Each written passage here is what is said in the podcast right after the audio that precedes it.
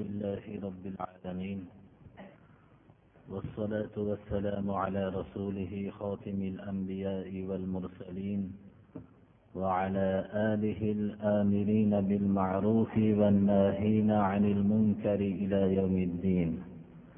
أما بعد السلام عليكم ورحمة الله.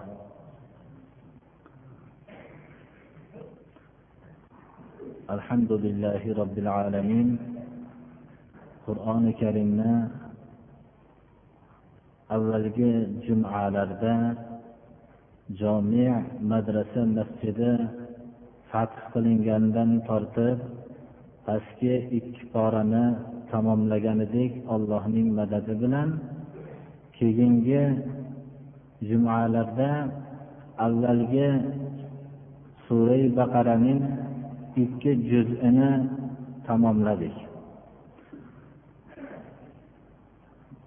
Navbatdagi jumalarda inshaalloh allohni madadi bilan shu darsimizni davom ettiramiz. Sura baqara juda ko'p ahkomlarning o'z ichiga oluvchi va o'tgan payg'ambarlarning tarixlarini musulmon jamoaga alloh subhanahu va taolo tarixda ular ollohning sunnatlarini rioya qilishgan vaqtlarda najotga erishganliklari va bu olloh subhanahu va taoloning hayotdagi sunnatini rioya qilishmagan vaqtlarda mag'lubiyat bo'lib ular millatlarning orqalaridan o'rin olganligini musulmon jamoaga aytib xabar berardi va bu bilan avvalgi bizlarning ajdodlarimiz ibratlanib musulmon jamoa zamoni saodatda islom tarixidagina emas balki butun olamning tarixida o'chmas biz iz qoldirib ketdi. Keyingi jamoalar bu ibratlardan yaxshi foydalanmaganligi uchun qur'on haqiqiy islom millatini o'rtasida dars qilib o'rganilmaganligi uchun keyingi davrlarda qur'onning asl ruhidan bizning millatimiz mahrum bo'lib yashaganligi uchun millatlarning oxiridan o'rin olib qoldi birodarlar. Hatto o'zlarining tarixlarini ham esdan chiqarib qo'yishdilar. Mana bu avvalgi darsimizda bani isroilning mag'lubiyatga uchragandan keyin o'zlarining payg'ambarlariga podshoh jo'natilishligini talab qilishib bu talab qilingandan keyin yana husumat qilishib undan keyin tolut ismli podshoh jo'natilinganda tolut o'zlariniga ergashgan kishilarni qattiq bir tajribalardan o'tkazganligini dars qilib o'rgangan bo'ldik. Bu tajribadan chiqqan qattiq tajribaga uchragan tobelar ergashganlar agarki oz bo'lishsalar ham ollohning madadi bilan dushmanlari bo'lgan jolutni va uning lashkarlarini mag'lubiyatga uchratgan edi. Bundan qur'oni karim mo'minlarning qalbiga g'alaba odamlarning sonini ko'pligi bilan emas balki o'zlarida ollohning sunnatlarini rioya qilishlik asosida. Ollohning buyruqlari to'la rioya qilingandan keyin olloh tarafidan madadga loyiq bo'lgan jamoaga madad kelishligini bu qur'oni karim musulmon jamoaning qalbiga shu narsani shu tasavvurni joylashlikni maqsad qiladi birodarlar. Va tarixda bu narsaning isbotlanganligini bizga xabarini beradi. Va rasululloh sollallohu alayhi vasallam shu vaqtlarda atroflarida juda ham oz jamoa bor edi. Dushmanlari nihoyatda ko'p edi. Va rasululloh sollallohu alayhi vasallamni doim u kishining sha'nlariga bo'xton qilib bu kishini yolg'onchi sehrgar shoir folbin degan so'zlar bilan haqorat qilishardi. Alloh subhanahu va taolo tarafidan payg'ambarlarning hikoyasini ularning xabarini berib ularning boshlarida ham bunday qiyinchiliklar bo'lganligini alloh taolo xabarini berib mana bu o'tgan payg'ambarlar bularning ahvollari shunday bo'lgan da'vatdagi yo'l shu va siz hamma odamlar sizni yolg'onchi deyishayotgan bo'lsa ham siz xotirjam bo'ling. Siz olloh tarafidan jo'natilingan payg'ambarlar jumlasidansiz deb alloh subhana va taolo taskin beradi. Siz olloh tarafidan jo'natilingan payg'ambarlar jumlasidan bo'lishligingizda shak shubha yo'q deb alloh subhanahu va taolo taskin berardi. Bir kishining haqida olloh guvohlik bersa olloh uni to'g'ri deb siz haqiqatchisiz deb guvohlik bersa yer yuzining hamma odamini yolg'onchi deb sha'niga bo'xton qilishligi zarar qilmaydi birodarlar. Alloh subhanahu va taolo payg'ambarlarning jamoasini zikr qilib bu payg'ambarlarga ishora qilib astaizu billah bugungi darsimizda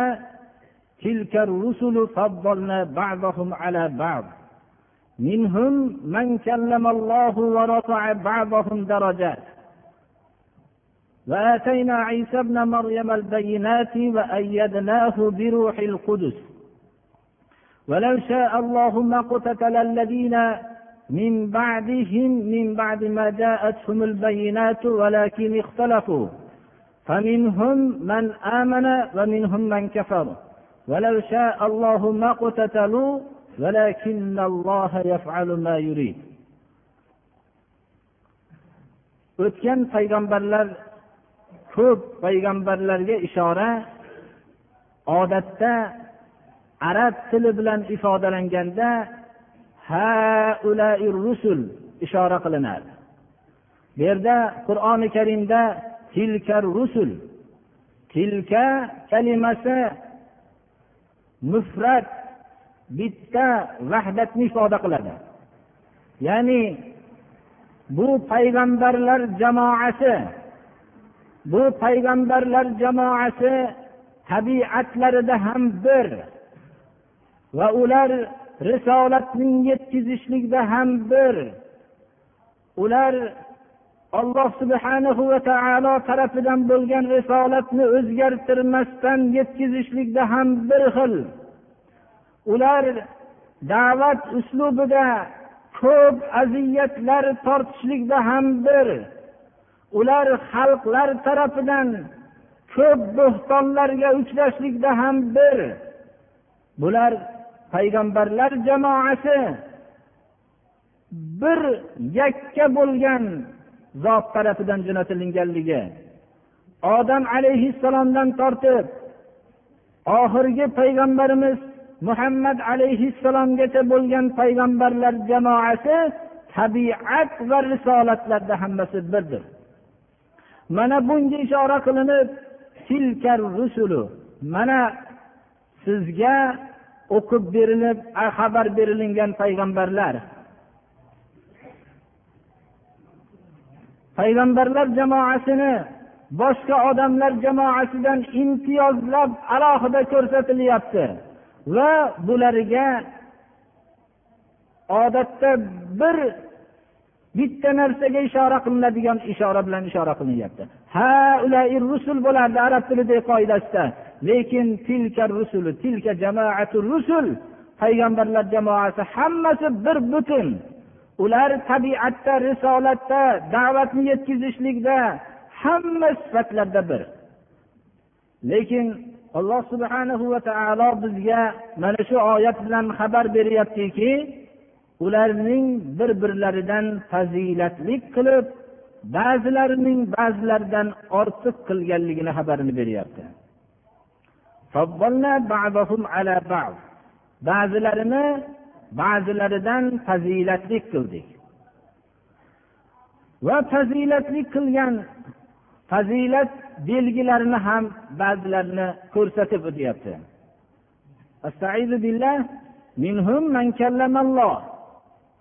Payg'ambarlarning ba'zilari ba'zilariga olloh subhanahu va taolo tarafidan bevosita olloh gapirgan. Odatda taklim kalimasi qur'onda kelganda muso alayhissalom tushuniladi. Bularning ichida fazilatli qilib ularga alohida imtiyoz berib bevosita olloh ularga xitob qilib gapirgan payg'ambarlar bordir bular jumlasidan muso alayhissalom alloh subhanahu va taolo muso alayhissalomga bevosita gapirdi.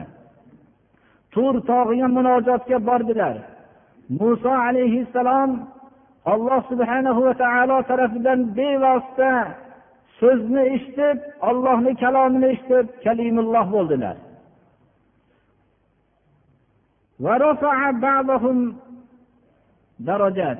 Ba'zi payg'ambarlarni bir necha darajotlarga olloh ko'tardi. Ya'ni ularning ba'zilarini bir qabilaga payg'ambar qilib jo'natgan bo'lsa ba'zilarini bir viloyatga payg'ambar qilib jo'natdi. Ba'zilarini bir ummatga payg'ambar qilib jo'natdi. Ba'zilarini tamomiy bashariyatga payg'ambar qilib jo'natdi. Ba'zilarini tamomiy bashariyatga bo'lib ham o'zini zamonasidagina emas qiyomat kunigacha bo'lgan bashariyatga payg'ambar qilib jo'natdi oxirgi payg'ambarimiz sollallohu alayhi vasallam hamma payg'ambarlardan ko'p darajotlarga alloh subhanahu va taolo tarafidan ko'tarilingan payg'ambardirlar وآتينا عيسى ابن مريم البينات وأيدناه بروح القدس iso ibn maryam iso alayhissalomga ochiq mo'jizalarni berdik deydi alloh taolo iso alayhissalom qur'oni karimda nomlari yod qilinganda iso ibn maryam maryamning o'g'li iso deb yod qilinadi chunki nasorolar iso alayhissalomni al masih ibnulloh. Nasorolar masih alayhissalomni ya'ni iso alayhissalomni ollohni o'g'li deb bu kishining sha'niga tuhmat qilishardilar. Ular iso alayhissalomni hurmatlarinida g'ulu ketib haddilaridan oshib ollohni o'g'li deyishlikka jur'at qilishgan edilar.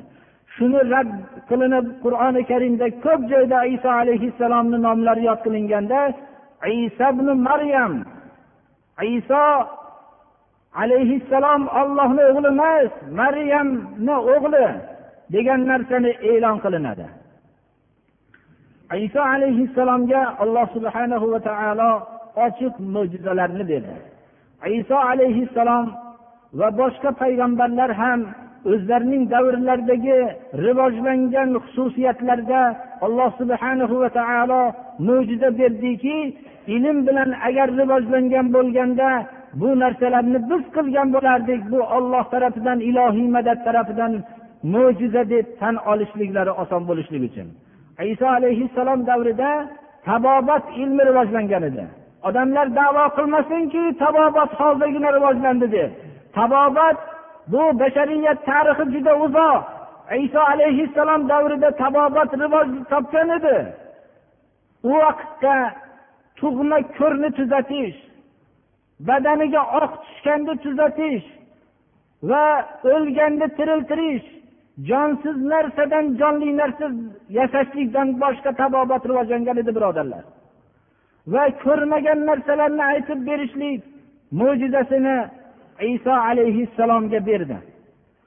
Qur'oni karim bu kishidagi berilingan mo'jizalarni yod qilib iso alayhissalomni tilidan وأبرئ الأكمه والأبرص بإذن الله وأحيي الموتى بإذن الله وأنبئكم بما تأكلون وما تدخرون في بيوتكم إن في ذلك لآية لكم إن كنتم مؤمنين tug'ma gunglarni karlarni tuzataman ollohni madadi izni bilan Va badaniga oq tushganlarni tuzataman ollohni izni madadi bilan. Va loydan qush yasab olloh subhanahu va taoloni izni bilan buni tiriltiraman deb e'lon qildilar. Tabobat ilmini bilgan tabobat ilmi rivojlangan davrdagi kishilar ko'rishdilarki bu ilm bilan emas ilm bilan bo'lganda biz bu narsalarni qilgan bo'lardik deyishdilarda ilohiy madad tarafidan mo'jiza deb insof qilganlari tan olishib iymon keltirdilar. Bu ham allohning insonlarga bo'lgan rahmatiki qaysi bir davrda nima rivojlangan bo'lsa shu xususiyatdagi eng yuqori bosqichni egallagan holatda payg'ambarlarni jo'natishligi. Mana alloh subhanahu va taolo xabar beryaptiki iso ibn maryamga biz ochiq mo'jizotlarni berdik. Va u kishini ruhul qudus jibril alayhissalom bilan madadlantirdik. Iso alayhissalom payg'ambarlar ichida ko'p mazlum bo'lib yashagan kishi.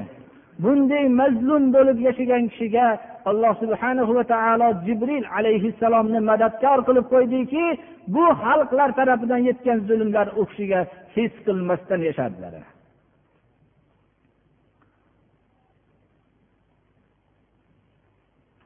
Lekin payg'ambarlarning hammalarini bir jamoa bo'lishliklari ularning tabiatlarida bir xil bo'lishliklari bir masdar markazdan payg'ambar qilib jo'natilinishliklari va risolatdagi bir butunliklari ular da'vatni yetkazishlikda bir xil bo'lishliklari bu narsa ergashgan odamlarning bo'linmasliklari yakka bo'lib yashashliklariga hamma tarafdan ta'sir ko'rsata olmadi. Ular payg'ambarlarga ergashgan kishilar ixtilof qilishdilar. Ixtilofni ularga da'vat yetmasdan turib qilishdimi? Yo'q ular da'vat yetib ochiq hujjatlar ularga yetib kelgandan keyin ixtilof qilishdilar. Ixtilof shu darajaga yetdiki bir birlarini qatl qilish darajasiga yetdi. Bu narsa ollohning mashiati bilan bo'ldi. Ollohni mashiati odamlarning turli qobiliyatlar bilan yashashliklari edi. ولو شاء الله ما اقتتل الذين من بعدهم من بعد ما جاءتهم البينات ولكن اختلفوا agar olloh xohlaganda payg'ambarlardan keyin kelgan kishilar ochiq hujjatlar kelgandan keyin ixtilof qilishib ixtilof qilishib hatto bir birlariga qatl qilishlik darajasiga yetishmagan bo'lardi bu ollohning mashiati bilan bo'ldi Olloh odamlarning turli qobiliyatlar bilan yaratishlikni iroda qildi. Ularning chunki turli qobiliyatli bo'lishliklari insonning yaratilishligidan bo'lgan maqsad xilofat vazifasiga muvofiq edi. Chunki odamlar bir bo'lib yashashliklari uchun turli qobiliyat egalari bo'lmoqliklari kerak edi. Qobiliyatning turli bo'lishligi ularning bir birlariga muhtoj bo'lishliklariga sabab bo'lar edi ular bir birlari bilan ittifoq bo'lishliklariga sabab bo'lardi. Shuning uchun ularning ixtiloflari ular ixtilof qilishmasalar ixtilof qobiliyatlarda ixtilofli bo'lishlari kerak edi. Lekin ularning qobiliyatlaridagi ixtilof bo'lishliklari bu chegarada to'xtab qolmadi. Ixtilof ular farqli bo'lishdilar. Farqli bo'lishlik shu darajaga yetdiki ixtilof hatto borib iymon va kufrda farqlik bo'lish darajasiga yetdi. Farqli bo'lishlik ba'zilar mo'min bo'ldi ba'zilar kofir bo'ldi. Ixtilof bu darajaga yetganda alloh subhanahu va taolo iymon bilan kufrni birga yashaydigan birga bir butun bo'lib kelishib yashaydigan qilib qo'ymadi.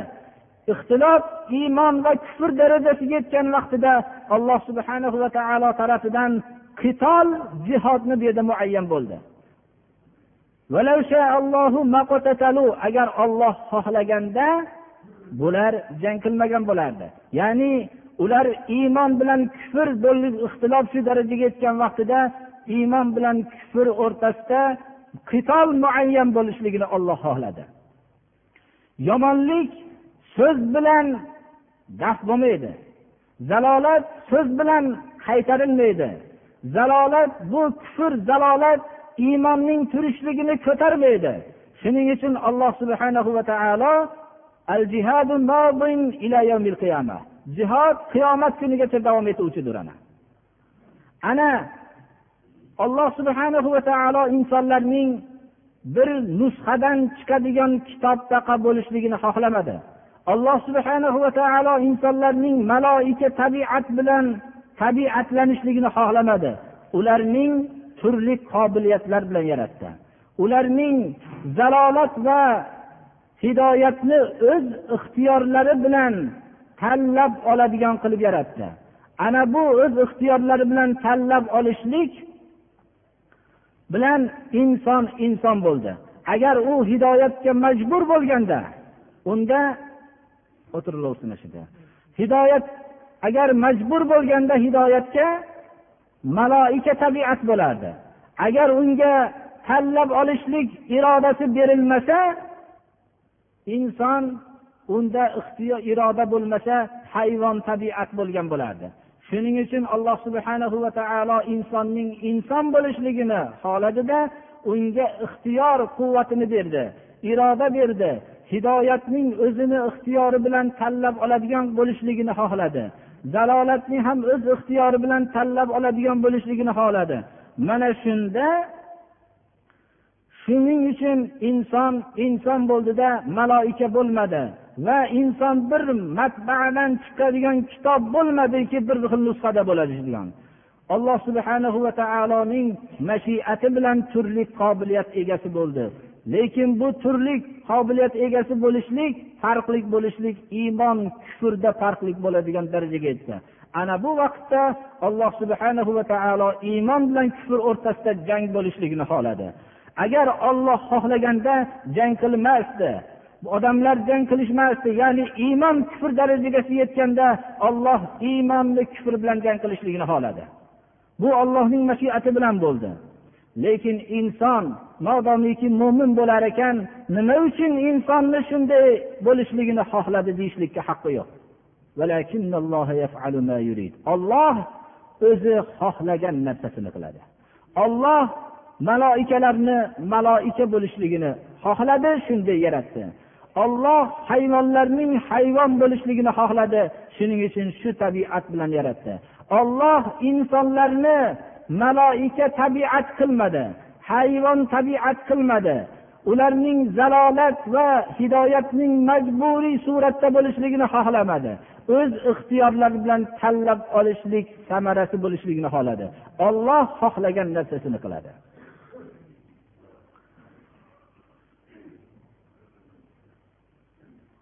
Qur'oni karimda qaysi bir o'rinda jihod zikri o'tsa u yerda infoq zikri albatta o'tadi.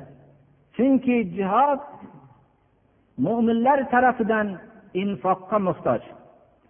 Boshqa maslaklarda jihod qilishlik uchun boshqalar tarafidan moddiy yordam bo'lishlikka muhtoj bo'lsa islomdagi jihodda jihodga qatnashuvchilar o'zlarining ham jonlarini ham mollarini sarflaydi.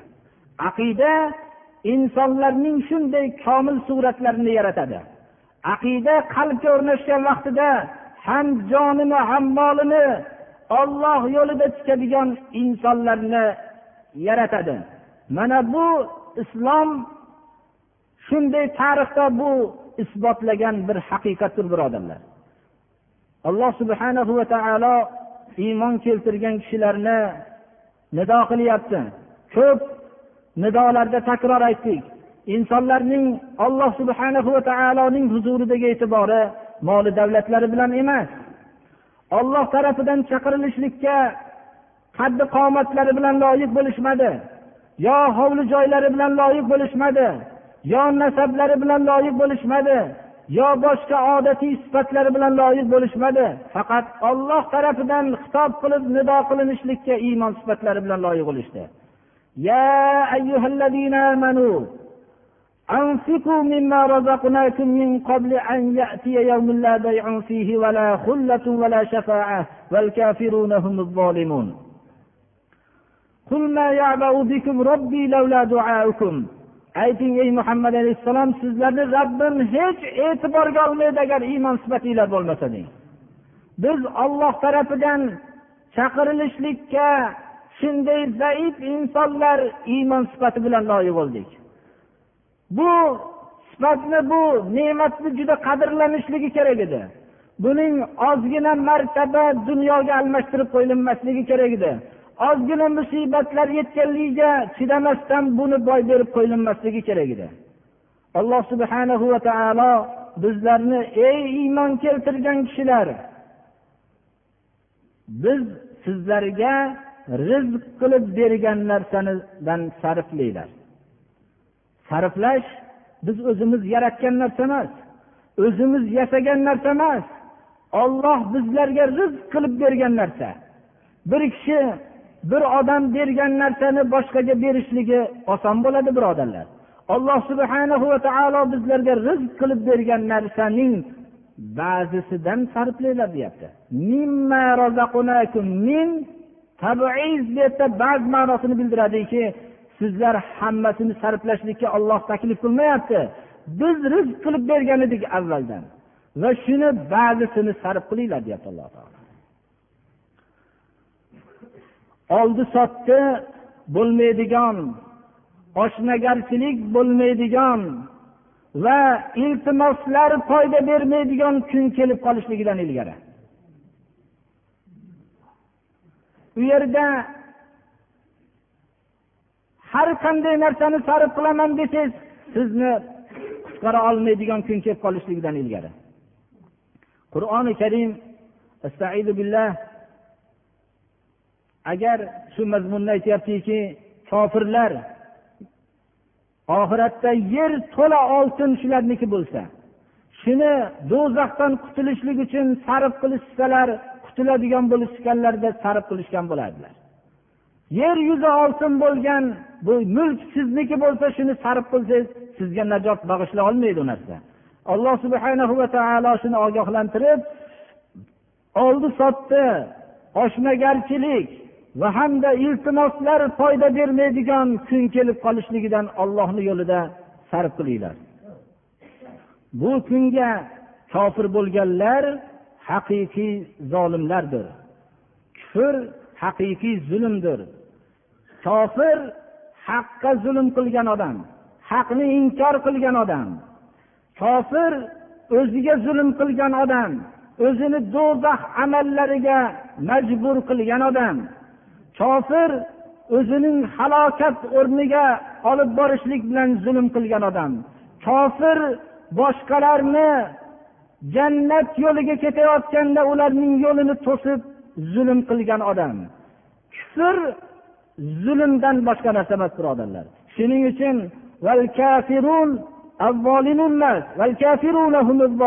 kofirlar haqiqiy zolimlar. Zolimlar boshqalarga zulm qilgan bo'lsa kofirlar boshqalar va o'ziga zulm qilgan odamdir. Haqiqiy zolimlar shulardir ana.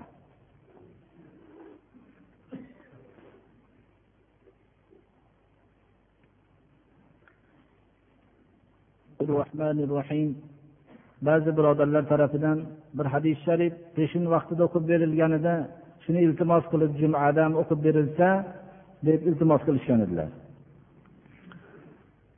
Peshin namozida gunohi kabiralar haqida ma'lumot berilayotgan edi. Gunohi kabiralar tartib bilan aytilinib kelinayotgan edi. Gunohi kabiralar jumlasidan bir gunohi kabiralar borki buni payg'ambarimiz sollallohu alayhi vasallam ogohlantirdilar. Shu vaqtda bu gunohi kabiraga shu johiliyat davrida ko'p kishilar mashg'ul edi.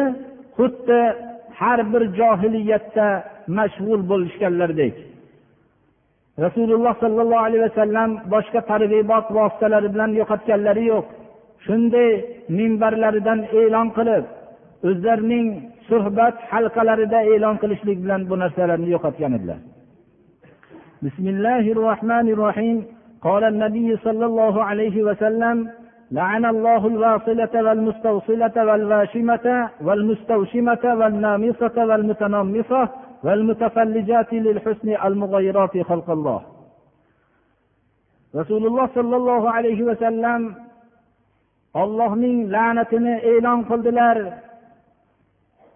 soch ulovchi ayollarga va soch ulashligini talab qilib borgan ayollarga odatda johiliyat davrlarida sochlarini ulab tirikchilik qiladigan ayollar bo'lgan ekan.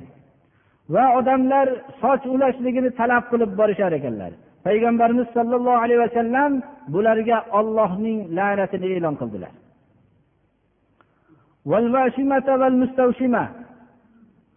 Xol qo'yuvchi hol qo'yib tirikchilik qiluvchi ayollarga va hol qo'ydirishlikni talab qilib boruvchi ayollarga ollohning la'natini e'lon qildilar.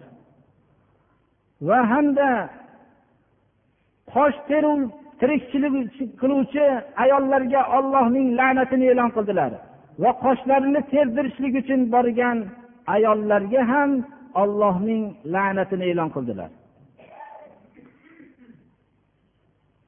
Va bu narsalar hammasi islom alloh subhanahu va taolo tarafidan berilgan husnni o'zi inson shunday pokiza ozoda bo'lishlikka buyurgan. Lekin ollohning xilqatini bu narsani mana bunday suratlar bilan shunday aytilingan holatlar bilan buzishlikni qattiq qoralagan hatto ollohning la'nati e'lon qilingan. Shuning uchun mana shu narsani juma namozida ham e'lon qilinishlik bir talab qilingan edi. Bu yerda ko'proq opa singillar hammalari bu narsani eshitib olishlari kerak. Va shunday shu bilan birga bu yerda o'tirgan kishilar ham eshitib qolishlari kerakki o'zlarining mahramlarini va oilalarini shunday qilishligini xohlashlari xohlovchi erkaklar ham eshitib olishliklari kerak bu narsani. Shunday bo'lishligingni talab qilaman deydigan erkaklar bu la'natdan salomat qolishmaydilar birodarlar. Rasululloh sollallohu alayhi vasallam yana bizning ba'zi holatimizni ifodalovchi hozirgi bu o'qilmoqchi bo'lgan hadis ham shuni bildiradi. Abu ayyub al ansoriy roziyallohu anhu rivoyat qiladilarki payg'ambarimiz sollallohu alayhi vasallamdan eshitdimki من فرق بين والدة وولدها فرق الله بينه وبين أحبته يوم القيامة kim bir kishining onasi bilan farzandini judo qilishlikka fitna uyushtirgan bo'lsa alloh subhanahu va taolo u bilan do'stlarning o'rtasini qiyomat kuni ajratib tashlaydi. Birodarlar ona bilan farzand o'rtasini judo qilishlik oson emas. Onaga alloh subhana va taolo mehr berganki u farzandidan voz kechmaydi. Lekin ba'zi shaxsiy narsalar bilan hayotimizda ko'rib turibmizki ona bilan farzandni judo qilishlik mumkin ekan. Lekin shaxsiy narsalar bilan shunday judo qilganlarning ahvoli shu bo'lsa bizning davrimizda ba'zi bir ishlar topilyaptiki bularning ahvoli qanday bo'lar ekan? Farzandi mast qiluvchi ichimliklarni ichib yurgan vaqtida namoz nimaligini bilmasdan ro'za nimaligini bilmasdan yurgan vaqtlarida hech qanday odamlarning ishlari bo'lmasdan bu farzandni go'yoinki ulug' bir inson deb qarab yurilgan. Ammo shular mast qiluvchi ichimliklardan voz kechib namoz nimaligini bilib peshonalarini sajdaga qo'yib ollohni tanib turgandan keyin ba'zi kimsalar tarafidan ota onalarni farzand bilan onalar o'rtasiga ig'vo solayotganlarning qiyomat sahrosida hayron bo'lib kerakli odamlar bilan ularning o'rtasini judo qilinishligi muqarrar inshaalloh mana bu hadis sharifdan har birimiz har bir ota onalar har bir farzandlar shuni yaxshi tushunishlari kerakki ota ona o'rtasini mayli judo qilishsalar farzandingiz namoz o'qimaydi ro'za tutmaydi ichimlik ichadi siz buning harom pul topib kelib o'g'irlik qilayotgan puliga rozi bo'lib yashayapsiz deb bu farzanddan keching desam mayli edi. Lekin bu vaqtlarda biror marta nasihat qilinmagan kishilar farzandlar namoz o'qigandan keyin ro'za tutgandan keyin ota bilan farzandni ona bilan farzandni agar ular ota bilan onani o'rtasida haqlarni bilganlikdan shunday azob chekayotgan farzandlar yo'q emas birodarlar. Ota onamizni haqqini bilishimiz kerak deb shu narsani bilgan vaqtida ota onalar ham farzandlarni tanishliklari yaxshi bo'lardi bu narsani. Mana bu hadis sharifni imomi ahmad va imomi termiziy o'zlarining hadis to'plamlarida keltirganlar mana. Alloh subhanahu va taolo amin. Qur'oni karimdan bo'layotgan darslarni qalbimizga jo qilsin. Va shu oyatlarni hayotimizga tadbiq qilishlikka alloh hammamizga tavfiq bersin va hozirgi o'qilingan hadis shariflarda bo'lgan gunohi kabiralarni o'tgan vaqtlarda qilingan bo'lsa alloh kechirsin. Xalqlarning bu gunoh kabiralardan o'zi saqlasin va kelajak hayotimizda shu gunoh kabiralarni qilishlikdan alloh o'zi saqlasin.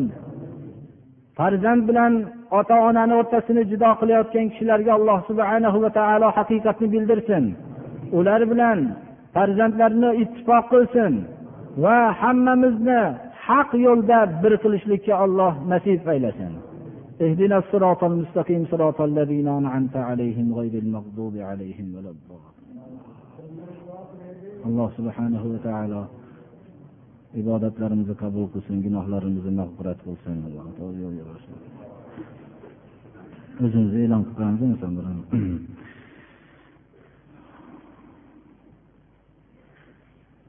birodarlar bu so'ralgan masalalar shuki bir odam yalangoyoq namoz o'qisa bo'ladimi albatta endi biz bilamizki avrat bekilgandan keyin namoz o'qishlik durust bo'ladi. Yaxshi liboslarni kiyib o'qishlik yaxshi bo'ladi. Mumkin mumkin emaslikka taalluqli bo'lganda yalangoyoq o'qishlik yo o'qimaslik buni farqi yo'q birodarlar. Ho'p bir duo qiling debdilar bir kishi boldalarni duo qilsin alloh taolo shifo bersin dardiga.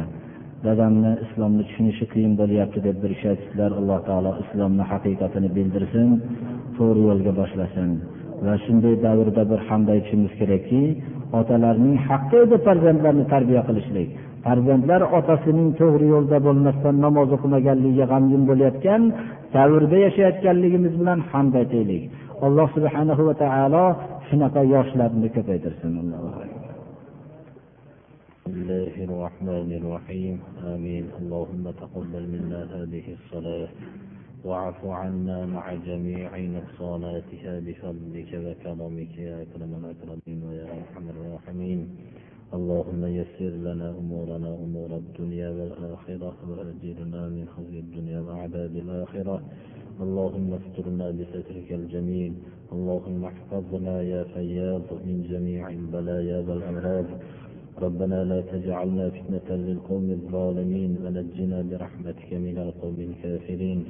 اللهم إنا نعوذ بك من الكفر والفقر والجبن والكسل ومن فتنة المحيا ومن فتنة الممات ومن فتنة المسيح الدجال ومن فتنة عذاب القبر وأن نرد إلى أرذل العمر.